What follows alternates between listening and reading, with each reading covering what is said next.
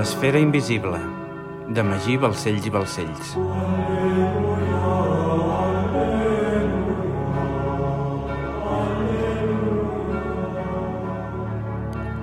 Capítol 2. La màscara de cera. 12 anys abans, dijous 15 de març de 1302, Sant Pere d'Anguera, Principat de Catalunya. El sol caia per darrere la terra, entre les muntanyes de Prades i el Reial Monestir de Poblet. Mentre la tímida pluja humitejava el camí, la boira s'espacia i l'última llum de l'ocàs s'esveia entre la foscor. Entretant, Guillem de Caral i Anglesola, un noble important de la contrada, cavalcava pels camps de la vegueria de Montblanc, molt prop de la petita església de Sant Pere d'Anguera, tranquil·lament, sol, perdut en els seus pensaments.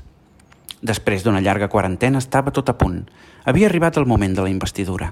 Sobre el cavall sentia una pau i una sensació de conciliació amb la vida que li havia costat molt aconseguir. Respirava de forma profunda, tancava els ulls i es deixava endur pels seus sentits. Escoltava les ferradures del cavall impactant contra la terra, un mussol cantant, la remor d'un riarol, campanades de morts de fons, una intensa olor de bosc i terra humida i un aire gèlid i punxant que li penetrava entre les vestidures. Es dirigia a la comanda templera de Barberà, ple d'esperança i conscient que aquell seria un dia important. Havia sortit feia unes hores del castell del seu germà a la vila de Santa Coloma per encaminar-se a la realització d'un jurament que després d'anys de sacrifici canviaria la seva vida per complet. Estava content. Feia tant temps que esperava aquest moment que li semblava impossible. Per fi havia arribat el dia – podria marxar de Catalunya i embarcar-se en el periple que l'havia de conduir més enllà dels mars, abandonar la seva terra i partir cap a Orient, a buscar la seva estimada i el seu fill sota la protecció de la milícia de Crist. Pensava en ella, en la seva olor, els seus ulls, el seu tacte, i sentia que cada instant faltava menys per tornar-la a veure. Pregava cada dia per tornar-la a tenir entre els seus braços i conèixer definitivament el seu fill. Seria nen? Seria nena? No ho sabia. Ja tindria quasi quatre anys. Mentre continués al Principat, la seva estimada i el seu fill restarien sols a Orient, en perill. Guillem tenia 37 anys i gaudia de bona salut. Era alt i bru. Tenia un ull de cada color, l'esquerre verd i el dret marró fosc, esquena ampla, coll ferm i pronunciada mandíbula. El seu semblant denotava la rectitud i dignitat típica de la noblesa. Des de petit, com hereu natural del seu pare, futur baró i cap del llinatge, havia estat educat per governar els feus i engrandir el patrimoni i l'honor familiar dels Caral. I així ho havia procurat sempre, però tot havia resultat inútil. A la mort del seu pare, Guillem es va convertir en baró de Caral i senyor de Santa Coloma. Com a poderós senyor feudal del sud de la Sagarra i com a cap d'un llinatge com els Caral, li corresponia seguir engreixant l'honor i el tresor de la família per mantenir el domini sobre la resta de nobles d'aquell indret.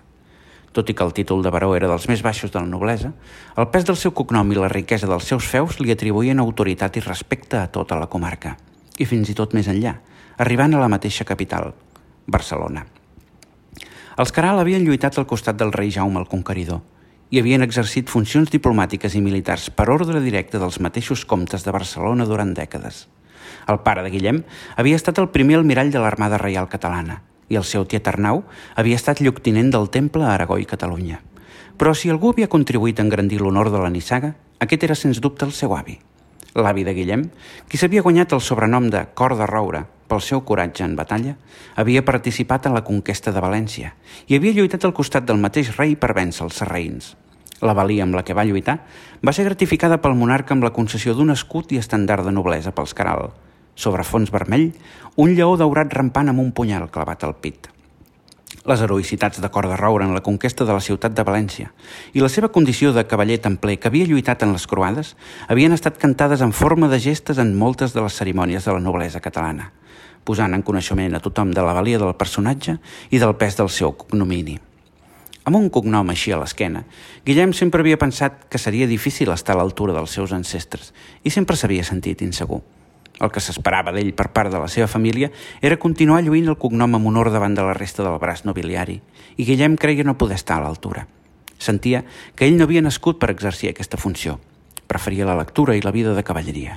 Volia viatjar per tot el món en defensa de la fe, amb el seu cavall, armat amb l'espasa i la creu, i vestit amb la millor de les armadures. Governar els feus, per ell, era extremadament avorrit. Malgrat tot, la vida l'havia portat un destí molt diferent al que sempre havia pensat – i temps després de convertir-se en baró, s'havia vist forçat a ingressar a l'ordre del temple i a renunciar als seus drets successoris en favor del seu germà petit per salvar el que més estimava. De sobte, d'entre els arbres, Guillem va veure el castell de Barberà sobre el turó, amb una immensa lluna plena al darrere que en sobresaltava la silueta. La comanda templera on Guillem es dirigia havia estat una de les primeres de la Catalunya Nova, fundada sobre la donació que Ramon Berenguer IV va fer a l'ordre en compensació en la seva ajuda en la conquesta contra els serraïns. Amb el pas del temps, la de Barberà s'havia convertit en una de les comandes templeres més importants del Principat i dominava en feu el castell i el lloc de Barberà, Pira, Ullers, Montbrió de la Marca, l'Espluga de Francolí, Vallfogona de Riucorp, Albió, Montargull i la Masó del Raurell. L'Orde del Temple es valia de les seves comandes per controlar el patrimoni de prop, gestionar l'explotació agrícola dels feus, servir d'habitatge als membres de la germandat adscrits en diferents graus i ser el centre de reclutament i instrucció dels iniciats. El preceptor de la comanda de Barberà, l'home que l'orde havia elegit per governar-la, era del Mau de Timor, cosí de Guillem, fet que aquest havia aprofitat per accelerar la seva integració i ingrés definitiu en el més prestigiós de tots els ordres. D'entre els nombrosíssims ordres monacals, mendicants i militars de la cristiandat, l'ordre del temple era sens dubte el més poderós de tots amb diferència. El seu poder militar i econòmic era incomparable. Tenia més de 9.000 comandes repartides per Europa, més de 150.000 cavallers i sergents, més de 120 fortaleses, una flota pròpia i la propietat sobre els ports de Marsella i Colllliure al Mediterrani i el port de la Rochelle a la costa atlàntica del Ducat d'Aquitània. L'ordre havia nascut feia 200 anys com a resposta a la conquesta de Terra Santa pels turcs. L'intens fervor religiós d'aquells temps provocava multitudinàries peregrinacions a Jerusalem, però amb la conquesta dels turcs es va impossibilitar aquest fet. Fins al moment Terra Santa havia estat sota el domini de Bagdad, molt més tolerant amb la presència cristiana que no pas els nous conqueridors. La presència d'aquells islamistes tan radicals contra els cristians va ser l'excusa perfecta per intervenir sobre Orient i adquirir definitivament la propietat sobre els sants llocs. La Santa Seu, que feia més de 800 anys que es valia de les seves esglésies per dirigir els pensaments i comportaments de la gent, sabia a la perfecció com i en quin moment precís havia de fer ús de la seva maquinària per aconseguir l'adhesió de la multitud. El 18 de novembre del 1095, el papa Urbà II, conscient que l'oportunitat de conquerir Terra Santa era més que possible, va cridar la croada i va prometre remissió de tots els pecats a qui hi participés. Les paraules del pontífex van ser divulgades per tots els regnes d'Occident, recitades de púlpit en púlpit per totes les esglésies de la cristiandat, agitant el ramat i animant-lo a la batalla. El poble ras va acollir el projecte amb fanàtic entusiasme i una multitud de persones, desenes de milers de camperols i artesans, van malvendre les seves pertinences per adquirir diners i armes per concórrer la croada. El crit unànime i entusiasta de «Déu ho vol», els prínceps i reis d'Europa, veient el poble embogit, es van unir amb rapidesa a les paraules del sobirà universal, quedant convocada així la primera croada. Amb la victòria cristiana i la conquesta de Terra Santa per part dels croats, van néixer els regnes llatins d'Orient i va quedar restituït el tradicional camí seguit per pelegrins i penitents, la ruta comercial tan rentable pels emporis mercantils europeus i la possibilitat d'explorar entre els fonaments de la terra on havien nascut totes les religions. Sota el pretext de guardar els pelegrins de les perilloses sendes del nou regne llatí, un cavaller francès anomenat Huc de Payens i el seu company Jofré de Saint-Omer van fundar un ordre religiós i militar consagrat a la custòdia dels pelegrins. El dia de la seva fundació, el van batejar amb el nom de Pobres Soldats de Crist i en els seus inicis era tan pobre que Huc i Jofré havien de cavalcar junts en el mateix cavall. Al cap de pocs mesos, Balduí II, el rei llatí de Jerusalem i cosí duc de Payens, els va fer donació de la mesquita d'Al-Aqsa, ubicada a l'interior del recinte del desaparegut Temple de Salomó, convertint-se així en la seu de l'orde i canviant-li el nom a Orde del Temple. La llegenda és confusa i variada, però totes les versions apunten que en els soterranis del temple van trobar un tresor de valor incalculable. Alguns diuen que es tractava del Sant Grial, altres de l'Arca de l'Aliança, la taula de Salomó. El cas és que, poc temps després d'ocupar el temple, el seu poder va anar en augment de forma imparable. Poc temps després, el papa va reconèixer l'ordre oficialment, li va transferir poder i va posar el projecte en marxa. Es va concedir als béns dels templers la protecció perpètua de la cadira apostòlica. Es va atorgar privilegis i gràcies a les persones que fessin donacions als templers. Es va concedir a l'ordre la immunitat d'impostos i contribucions i es va fer dependre de la Santa Seu totes les esglésies que l'orde edifiqués. En aquestes condicions, el temple va créixer de forma inaudita, naixent el braç armat més ric i important de la història de l'Església de Roma. A partir d'aquí, atesos els beneficis que comportava ser cavaller d'aquell orde, 300 cavallers de les més nobles famílies van emprendre el camí cap a Terra Santa per iniciar-se en la germandat. A partir d'aquest moment, l'orde va aconseguir tanta fama i popularitat que la majoria de la noblesa va començar a fer donacions de patrimoni, honor i privilegis de forma massiva per tal de poder-ne ser membres. Ser cavaller templer significava entrar en el selecte club de les nissagues més poderoses d'Europa. Prínceps, reis i emperadors formaven part de la germandat i ser admès en el seu sí es va convertir en el desig més preuat de l'aristocràcia. Amb l'excusa d'expulsar el perill del Pròxim Orient, durant 200 anys les croades s'havien anat succeint una darrere l'altra i l'orde havia acumulat immensos recursos econòmics i humans, recursos que havia destinat a la seva autèntica missió. Arribat al 1302 i després d'innumerables croades, sorprenentment la cristiandat ja no conservava cap regne en peu a l'Orient Pròxim, amb la qual cosa l'objectiu que fonamentava l'existència de l'ordre del temple, custodiar els peregrins que anaven a Terra Santa, era impracticable – no obstant això, mitjançant les més de 9.000 comandes, la germandat templera havia arribat a l'apogeu organitzatiu que li permetia complir el seu veritable destí. Els pocs templers que quedaven a Orient s'havien retirat a l'illa de Xipre després de la caiguda de Sant Joan d'Acre, a l'espera que l'ordre reclutés un nou contingent per ser enviat a rescatar-los. Una nova croada era imminent i s'iniciaria per Xipre. Xipre era la raó per la qual Guillem volia esdevenir cavaller templer, ja que Maria, l'amor de la seva vida, havia estat desterrada a aquella illa quatre anys enrere. L'últim cop que Guillem la va veure, Maria estava mitjant embaràs, encadenada sobre un carro completament nua i plorant. Just en aquell moment, Guillem es va jurar a si mateix que la rescataria. Guillem, després de més de tres anys intensos d'estudi de textos i símbols, de meditació i oració, i d'un dur entrenament militar, havia estat admès i s'havia iniciat en l'ordre posant tots els seus esforços en anar ascendint de grau en grau fins a ser investit cavaller del temple. Només si era armat cavaller, podria emprendre el viatge que el conduiria a retrobar-se amb la seva veritable família. Per tant, aprofitant que els interessos del temple es movien per Xipre, i Maria i el seu fill també, va posar tots els seus esforços en guanyar-se la confiança de la resta de germans de l'orde, donant-los proves de la seva fe i defusió per ascendir al final a la condició de cavaller. La necessitat l'empenyia inevitablement a convertir-se en cavaller de l'ordre fos com fos. Però, a més a més, allò li agradava. Des de petit, havia regirat entre les coses del seu avi per aprendre coses del temple. Havia engolit llibres sencers que parlaven de les gestes dels cavallers en les croades en defensa de la fe. Havia llegit més de set vegades algun dels llibres de Ramon Llull. S'havia llegit totes les novetats literàries de cavalleria i amor cortès. Li encantava. Des de petit, tot el que estigués relacionat amb el temple, la cavalleria i les batalles en defensa de la fe li havien generat molta curiositat, així que, ara que tenia la necessitat i l'oportunitat d'introduir-se en aquest món, ho feia seguint al peu de la lletra tots els preceptes templers, prenent-se de forma molt seriosa el seu ascens en l'ordre. Com més seriosament s'ho prengués, amb més facilitat seria investit cavaller, i com més aviat fos cavaller, més aviat veuria Maria i el seu fill. Així que el seu ascens va ser ràpid i exemplar, el seu comportament i àgil aprenentatge despertaven l'admiració dels germans de l'orde. Guillem creia en la doctrina templera, la treia, li agradava, i com més llegia més es convencia. Passava el dia sencer llegint i orant, introduint-se en una filosofia que admirava i que l'envaïa. En arribar al castell, Guillem va deixar el cavall a un escuder i va contemplar espantat el cos sense vida de dos homes esquarterats sobre un gran toll de sang al pati d'armes. Tenien els peus tallats. Estaven decapitats i tenien tots els budells a fora. Guillem va sentir ganes de vomitar i tot mirant a l'escuder espantat, aquest li va dir «Aquest és el preu que es paga per trencar el jurament». Amb l'angoixa al cos per la imatge, es va dirigir a l'entrada de la capella desitjant que ell no tingués el mateix final. Si bé és cert que coneixia el destí dels traïdors del temple, mai havia vist els cossos mutilats i ara, minuts abans del seu jurament, va sentir l'alè de la mort tan proper que no podia deixar de resar. Al cap d'uns minuts, quan ja s'havia refet una mica, va arribar a la capella.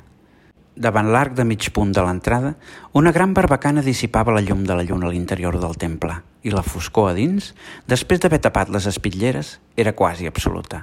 Només es distingia una petita espelma al terra, a uns metres de l'altar, i davant, estesa a terra, una bandera de creu paté vermella sobre fons blanc, el blasó del temple.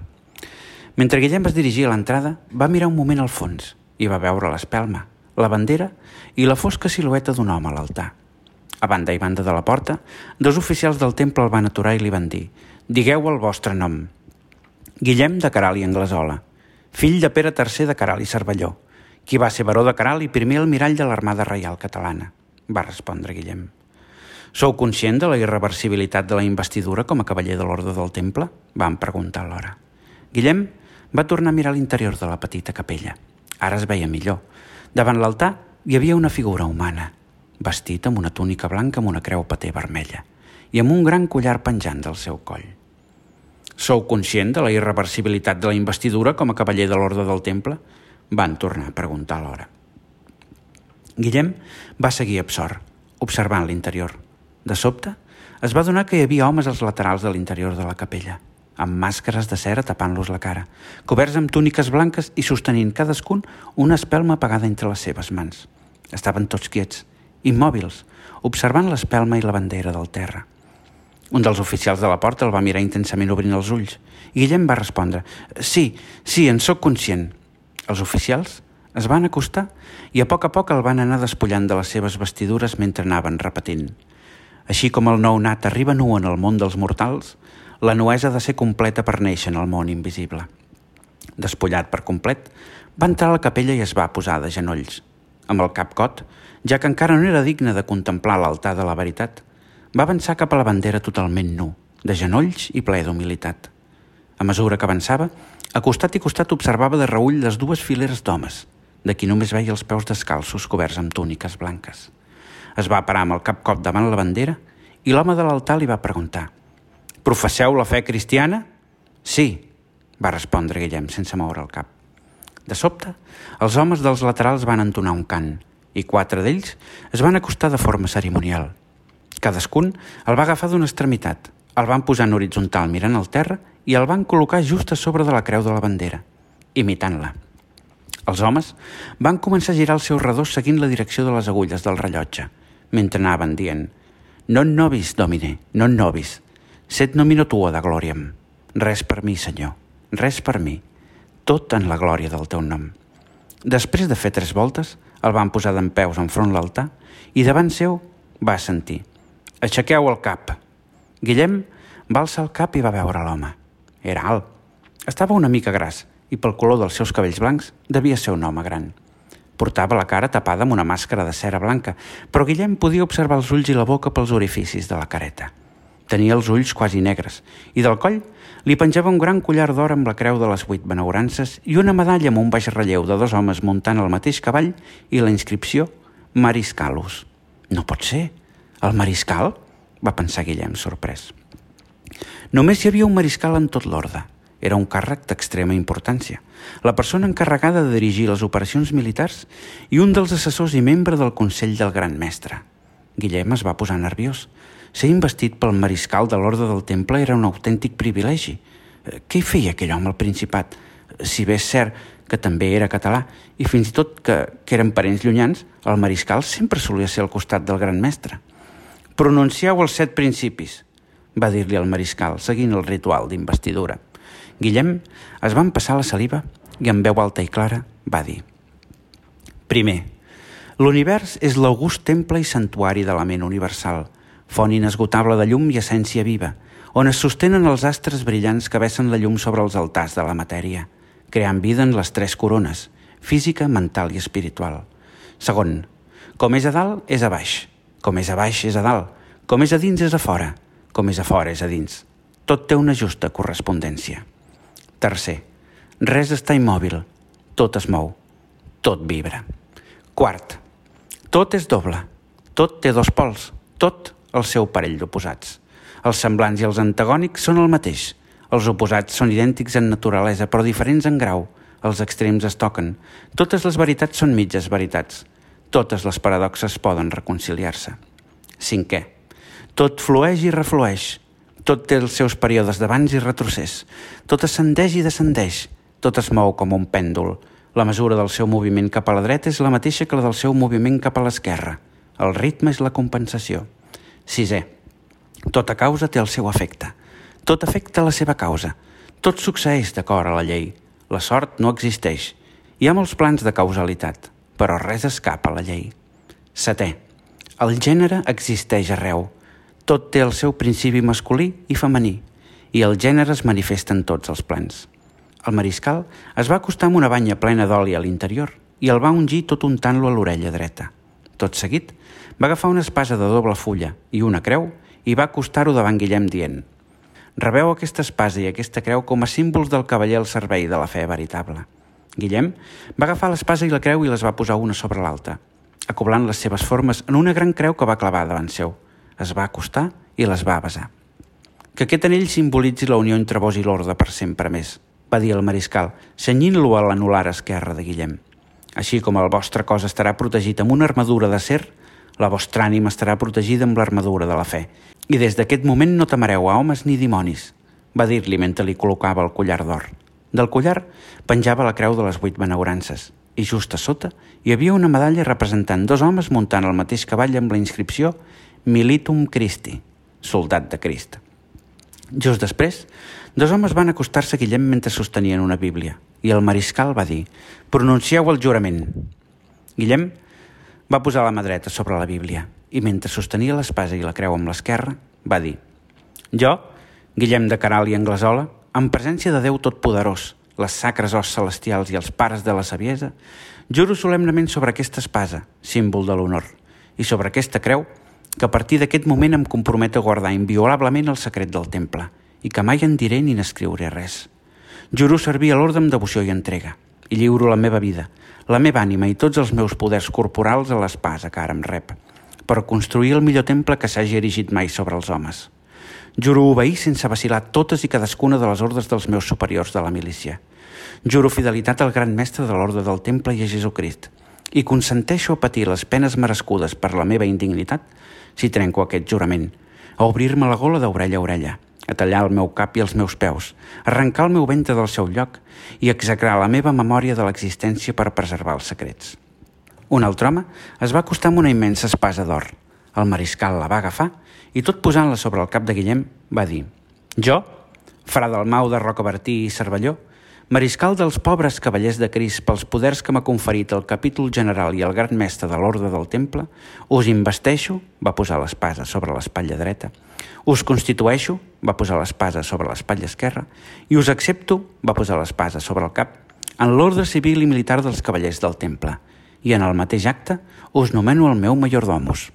El mariscal va donar l'espasa a un altre home, es va treure la màscara, va allargar la mà al flamant cavaller i li va dir Aixequeu-vos, cavaller, i sigueu benvingut a l'ordre de la cavalleria del temple. Guillem, encara no, només amb l'espasa, la creu, l'anell i el collar, es va aixecar i al moment dos homes li van sostenir els braços mentre un tercer li col·locava una gran túnica blanca amb una creu vermella. Li va ensenyar un cinturó per ajustar les vestidures i el mariscal va dir «Ara ja sou digne de contemplar l'altar de la veritat». Un dels homes emmascarats es va avançar i es va posar de genolls davant la petita espelma del terra. Va treure dues candeles, les va encendre i les va donar al mariscal. Aquest va estendre els braços i va passar-les als homes que tenia al costat. Els dos homes van encendre l'espelma que portaven i es van treure la màscara. Tot seguit, van passar les candeles als homes del costat i van fer el mateix. I així successivament. La llum es feia més present a cada instant. La claror s'expandia de la mateixa manera que els dubtes sobre les identitats d'aquells homes s'esveïa. Guillem va reconèixer el seu cosí del Mau de Timó, preceptor de la comanda de Barberà, i també a Berenguer de Cardona, mestre provincial de la cavallera del Temple a Catalunya i Aragó. No ho entenia. Per què una investidura tan intrascendent com la seva podia reunir el mariscal de l'Orde i el cap d'una de les províncies? I, I com és que l'havien nomenat majordom del mariscal? Quan la llum ja il·luminava cada racó de la capella, el mariscal, encara davant l'altar, va dir tots els mortals naixem sentits limitats per l'espai-temps i ments enfonsades en la matèria. Només mitjançant la il·luminació de les ànimes amb el temple de la saviesa es pot passar de la matèria a l'esperit i contemplar així el món invisible. La teva ànima està llesta a expandir-se lluminosa i radiant. Ja ets digne d'accedir al cenacle del temple. Contempla el guardià del llindar, el pare del temple dels homes, el que il·lumina el món invisible amb la llum de la saviesa. Es va apartar de l'altar i Guillem va veure el bafumet, la imatge d'un home assegut amb les cames creuades, mig cos ple d'escates i dues grans ales plomades a l'esquena. Tenia el braç dret apuntant cap al cel, amb el dit polze, l'índex i el del mig alçats, en idèntica posició. El braç esquerre apuntava a terra. D'entre les seves cames s'erigia un gran falus masculí amb dues serps entrellaçades i al tors dos immensos pits femenins contrarrestaven la virilitat del personatge, conferint-li una aparença andrògena. Coronant la imatge, un cap de cabra amb unes grans banyes i un pentagrama al front. Finalment, aguantada al cap, just entre les banyes, una gran torxa amb una marac de lluminós en forma d'octògon suspès entre les flames.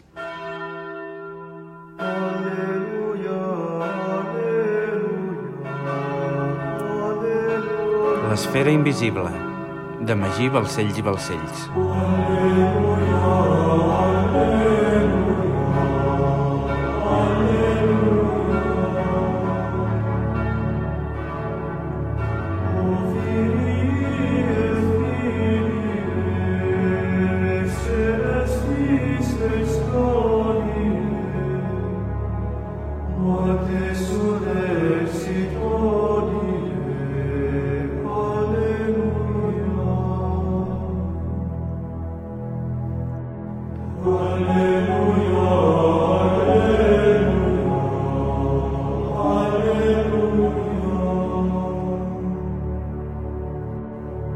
Amen.